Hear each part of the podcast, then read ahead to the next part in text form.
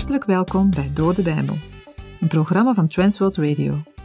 Met dit programma nemen we jou in vijf jaar tijd mee door de ganse Bijbel.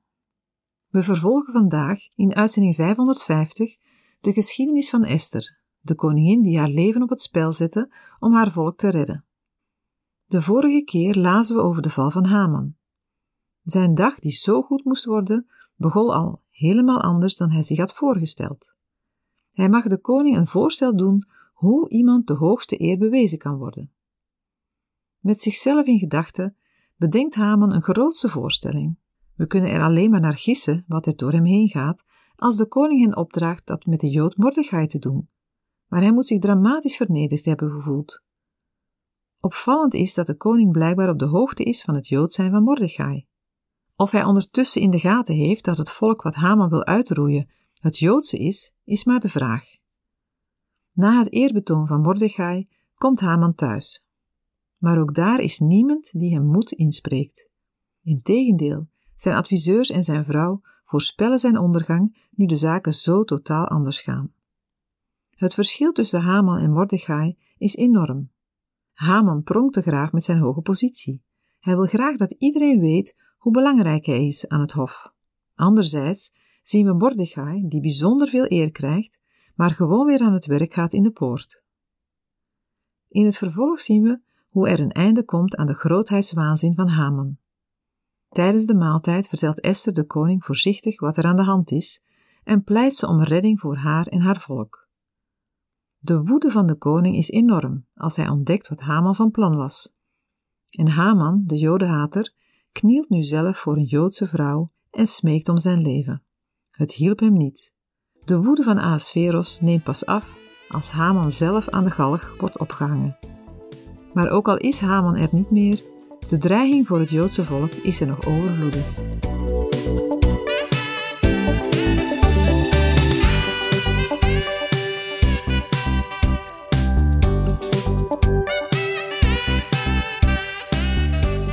Esther 8 begint met een vertellend gedeelte over de positie van Mordechai bij de koning. In de versen 3 tot en met 8 smeekt Esther de koning om Hamans vreselijke plan tegen de Joden te verijdelen. Daarna volgt in de versen 9 tot en met 14 de opschriftstelling en verspreiding van de door Mordechai gedicteerde brieven. Esther 8 wordt afgerond door een kort slotdeel dat de blijdschap van de Joden beschrijft. Esther 8 versen 1 en 2.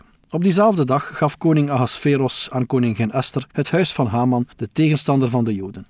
En Mordechai kwam bij de koning, want Esther had verteld wat hij voor haar was. Vervolgens deed de koning zijn zegelring af, die hij van Haman afgenomen had, en gaf die aan Mordechai. Esther stelde Mordechai aan over het huis van Haman. De inhoud van Esther 8 sluit chronologisch en inhoudelijk onmiddellijk aan bij de gebeurtenissen uit Esther 7. Met op diezelfde dag wordt de dag van Esters tweede etentje en de opdracht om Haman op te hangen bedoeld. Onmiddellijk nadat Haman is weggevoerd, wordt zijn hele bezit aan Esther gegeven. Het bezit van Haman, die alles van de Joden wilde buitmaken, gaat nu over naar een Joodse vrouw. Haman wilde de bezittingen van de Joden buitmaken, maar het omgekeerde gebeurt nu. Daar zullen we in dit hoofdstuk vaak mee geconfronteerd worden.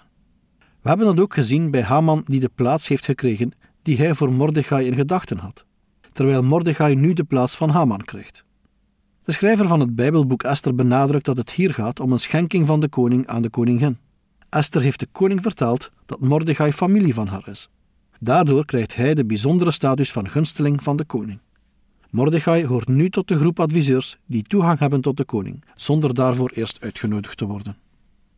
Opmerkelijk is dat Mordechai deze status niet ontvangt op grond van zijn eerder bewezen loyaliteit aan de koning, al kan dat natuurlijk wel hebben meegespeeld. Dat Ahasveros Mordechai volledig vertrouwt, blijkt uit het feit dat hij hem zijn zegelring geeft die hij eerder aan Haman had gegeven. Hiermee ontvangt Mordechai het teken van koninklijk gezag en macht, dat kort daarvoor nog bij Haman lag als eerste minister. Esther is als koningin bevoegd om het hele bezit van Haman, dat zij heeft ontvangen, in beheer aan Mordechai over te dragen. Hiermee zijn de rollen compleet omgekeerd.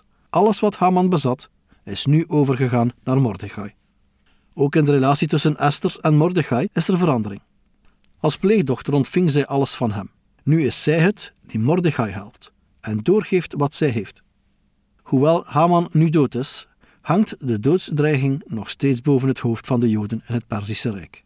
De wet van Meden en Perzen, die Haman met koninklijk gezag het hele land had rondgezonden, was nog steeds van kracht. Een wet van Meden en Persen kon niet worden gewijzigd.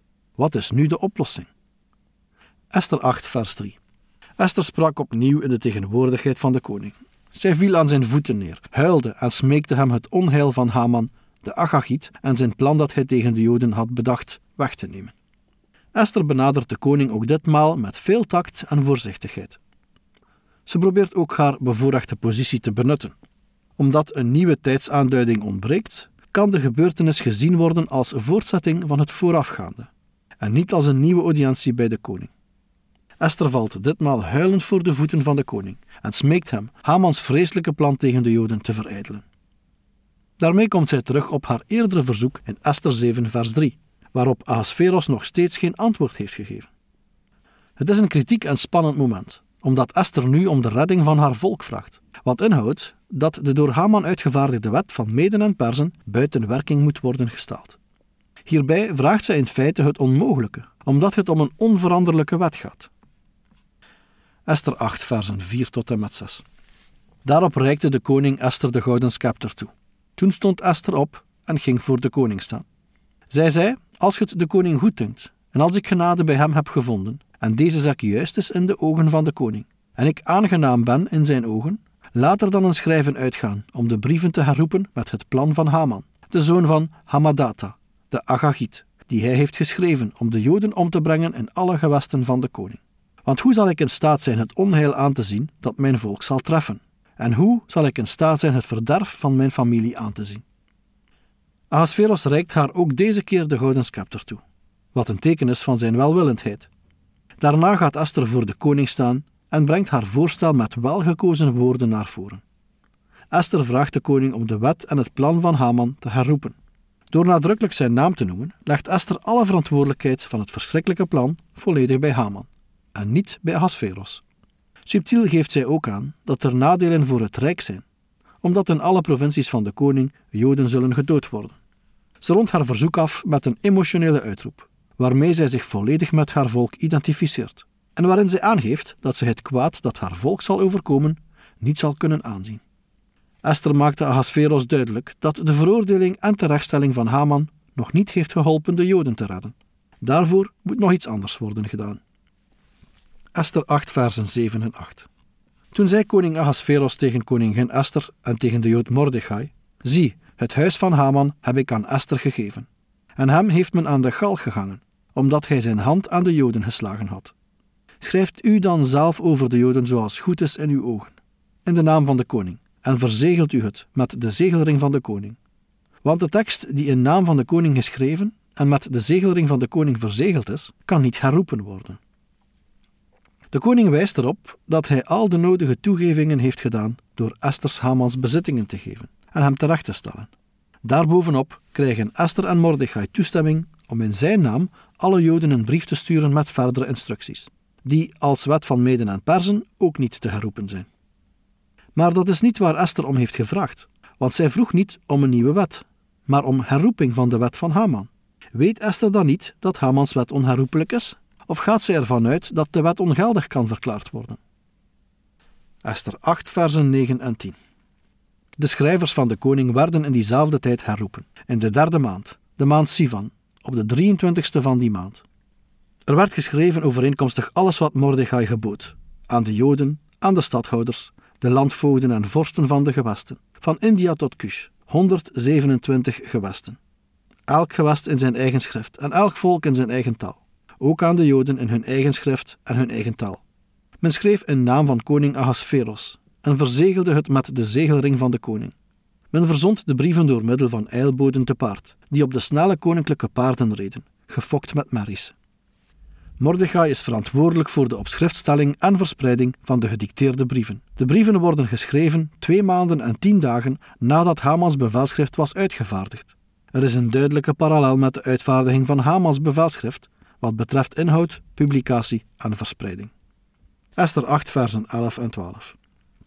In de brieven stond dat de koning de Joden in elke stad toestond zich te verzamelen, op te komen voor hun leven en iedere macht die hen in het nauw zou willen brengen, uit welk volk of gewest ook, weg te vagen, te doden en om te brengen, met kleine kinderen en vrouwen, en hun bezit te plunderen. Dit gold voor één dag in alle gewesten van koning Ahasveros, voor de dertiende dag van de twaalfde maand, dat is de maand Adar. Elk onderdeel in het bevelschrift van Haman heeft zijn tegenhanger in de gedicteerde brieven van Mordechai. Juist dat blijkt de enige manier te zijn om het vernietigingsbevel van Haman buiten werking te stellen. Beide bevelschriften vertonen overeenkomst in structuur, woordkeuze en formulering. Er zijn wel enkele belangrijke toevoegingen en verschillen. Het document van Haman is gericht aan alle gouverneurs en gezagdragers in de 127 districten van het koninkrijk, geschreven in de taal en schrift van elk volk en gebied. Een opvallend verschil is dat het bevelschrift van Mordechai als eerste is gericht aan de Joden, als erkende bevolkingsgroep, en ook in hun taal en schrift wordt verspreid. De Joden in de tijd van Esther zullen het Perzisch van hun omgeving hebben gesproken. Daarnaast werd het Aramees als internationale taal overal in het Perzische Rijk gebruikt, terwijl de eigen taal en het schrift van de Joden het Hebreeuws was. Bij het bevelschrift van Mordechai ligt er een sterke nadruk op het koninklijke gezag. Mordechai's bevelschrift is geschreven door koninklijke schrijvers in naam van de koning, verzegeld met de koninklijke zegelring en geeft koninklijke toestemming tot zelfverdediging. In naam van de koning en bekrachtigd met zijn zegel wordt het document via het bekende Perzische postsysteem overal in het Rijk verspreid. Mordechai opent het edict met de mededeling dat de Joden koninklijke toestemming krijgen zich te verenigen om hun leven te verdedigen. Zij mogen zich overal verzamelen om hun verdediging te organiseren tegen elke macht die hen zal verdrukken, wil uitroeien of doden. In tegenstelling tot Hamans bevelschrift geeft het document van Mordechai de Joden toestemming het bezit van hun aanvallers te plunderen, maar stelt dat niet als verplichting. Een veelzeggend verschil tussen beide bevelschriften is dat dat van Haman is gericht op agressie, terwijl dat van Mordechai op zelfverdediging. Esther 8, versen 13 en 14. De inhoud van het geschrevene moest als wet uitgevaardigd worden in elk gewest en openbaar gemaakt aan alle volken, zodat de Joden die dag klaar zouden staan om zich te wreken op hun vijanden. De eilboden, die op de snelle koninklijke paarden reden, vertrokken haastig, aangedreven door het bevel van de koning. Ook in de burcht Suzan was de wet uitgevaardigd. Een afschrift van Mordechai's verordening moet overal verspreid worden, zodat al de Joden voor de aangekondigde dag klaar zijn om wraak te nemen op hun vijanden. Het originele bevelschrift dat Haman namens de koning had uitgevaardigd, kon op geen enkele manier worden veranderd of opgeheven. Maar als de afkondiging van Mordechai bekend wordt, worden de harten van alle Joodse ballingen in het Perzische koninkrijk bemoedigd en blij. Het nieuwe bevelschrift gaf een ontsnappingsmogelijkheid voor de Joden. We lazen net, de inhoud moest openbaar gemaakt worden, zodat de Joden klaar zouden staan om zich te wreken op hun vijanden.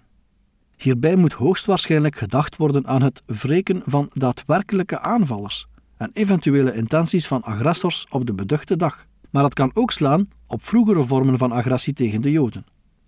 Hoewel de Joden nog ongeveer negen maanden hebben ter voorbereiding van hun zelfverdediging op de dertiende Adar, moet Mordechai's bevelschrift, net zoals dat van Haman, snel verspreid worden en ook als wet in de stad Susan bekendgemaakt worden. De laatste versen van Esther 8 beschrijven de algehele vreugde die Mordechai's verordening teweegbrengt. Deze blijdschap staat in volkomen tegenstelling met de ellende die Hamans bevelschrift heeft veroorzaakt. Esther 8, vers 15. Mordechai ging bij de koning weg in een blauw-purperen en wit koninklijk gewaad, met een grote gouden kroon en een mantel van fijn linnen en rood purper. En de stad Susan juichte en was blij. Mordechai treedt naar buiten als de vertrouweling van Ahasveros. Hij heeft een koninklijk gewaad aan, dat wijst op zijn verheven positie en koninklijke erkenning. Haman zelf had gewezen op deze koninklijke kleding. Wit en blauw-purper waren de koninklijke kleuren. Zowel de kleuren als het materiaal van zijn kleding en hoofdtooi getuigen van zijn koninklijke positie. Dit toont het grote verschil met Mordechai's eerdere situatie, toen hij in zak en as rouwde vanwege de verordening van Haman. Mordechai's schriftelijke tegenbevel veroorzaakt ook in Susan algemene blijdschap en gejuich. Wat een contrast met wanneer de wet van Haman uitgevaardigd werd, want toen was de stad verward. Esther 8, vers 16. Bij de Joden was er licht en blijdschap, vreugde en eer. De Joodse ballingen waren blij en opgelucht, omdat zij nu hun zelfverdediging mogen organiseren. Daarbovenop zorgde de hoge positie van Mordechai ervoor dat iedereen hen eer bewees en met respect behandelde. Esther 8, vers 17. En in elk gewest en in elke stad waar het woord van de koning en zijn wet was aangekomen, was er bij de Joden blijdschap en vreugde, en waren er maaltijden en vrolijke dagen. Velen uit de volken van het land werden Jood, omdat angst voor de Joden op hen was gevallen. De feestelijkheden van de Joden en het verloop van de geschiedenis maken indruk op iedereen. Veel mensen die dit zien worden Joden. Haman wilde het volk uitroeien. Het omgekeerde gebeurt. In plaats van verdelging is er toename. Het valt niet met zekerheid te zeggen of dit ook daadwerkelijk godsdienstige bekering tot de godsdienst van de Joden inhoudt, of dat het meer om aansluiting in sociaal opzicht gaat. Maar op grond van de context lijkt het vooral te gaan om het overnemen van het Joodse geloof, gebruiken en praktijken. De manier waarop de omkering ten aanzien van de situatie van Mordechai en de Joden in het Perzische Rijk gebeurd is, getuigt van Gods leidende en beschermende aanwezigheid. De tegenstander van de Joden, die zo snel aan de macht kwam en alles kon bewerkstelligen om hen uit te roeien, is nu zelf uitgeroeid en zijn plannen zijn verijdeld. Want de Heer heeft het roepen van zijn volk verhoord. Dat geeft de Joden blijdschap en vertrouwen voor de toekomst. Dat biedt de onveranderlijke God ook vandaag voor wie op hem bouwt. In 1 Korinthe 10, vers 11 staat: Al deze dingen nu zijn hun overkomen als voorbeelden voor ons, en ze zijn beschreven tot waarschuwing voor ons, over wie het einde van de eeuwen gekomen is. Met andere woorden, alles wat met Israël gebeurd is, dient ook als een voorbeeld voor ons. Als de Joden niet zo bedreigd en benauwd waren geweest, zouden ze geen reden hebben gehad voor die buitengewone vreugde. Ook Gods kinderen moeten soms met tranen zaaien, opdat zij met des te meer gejuich zullen maaien. Het plotselinge en verrassende in die voor hen zo gunstige verandering van zaken heeft veel bijgedragen tot hun vreugde. Het leek alsof ze droomden, maar als tot hen doordringt wat er is gebeurd, komt er ware dankbaarheid.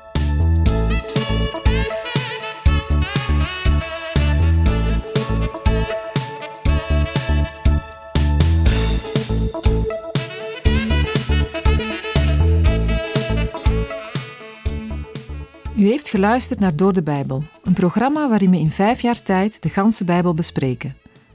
De basis voor het programma is de Bijbelstudiereeks van Dr. Vernon McGee, Through the Bible. Deze werd in het Vlaams vertaald en bewerkt door Transworld Radio. U kan elke werkdag naar een nieuwe uitzending luisteren en u kan ook steeds voorbije uitzendingen opnieuw beluisteren of downloaden. Als u wilt reageren op deze uitzending of u heeft vragen, dan kunt u uiteraard contact met ons opnemen. U kan een e-mail sturen naar doordebijbel.twr.be. Verder kan u op onze site terecht, www.twr.be, voor meer info en het beluisteren van onze overige programma's. Dit programma werd gepresenteerd door Patrick Couchement en Anne Notenboom. Wij danken u voor het luisteren en graag tot een volgende keer.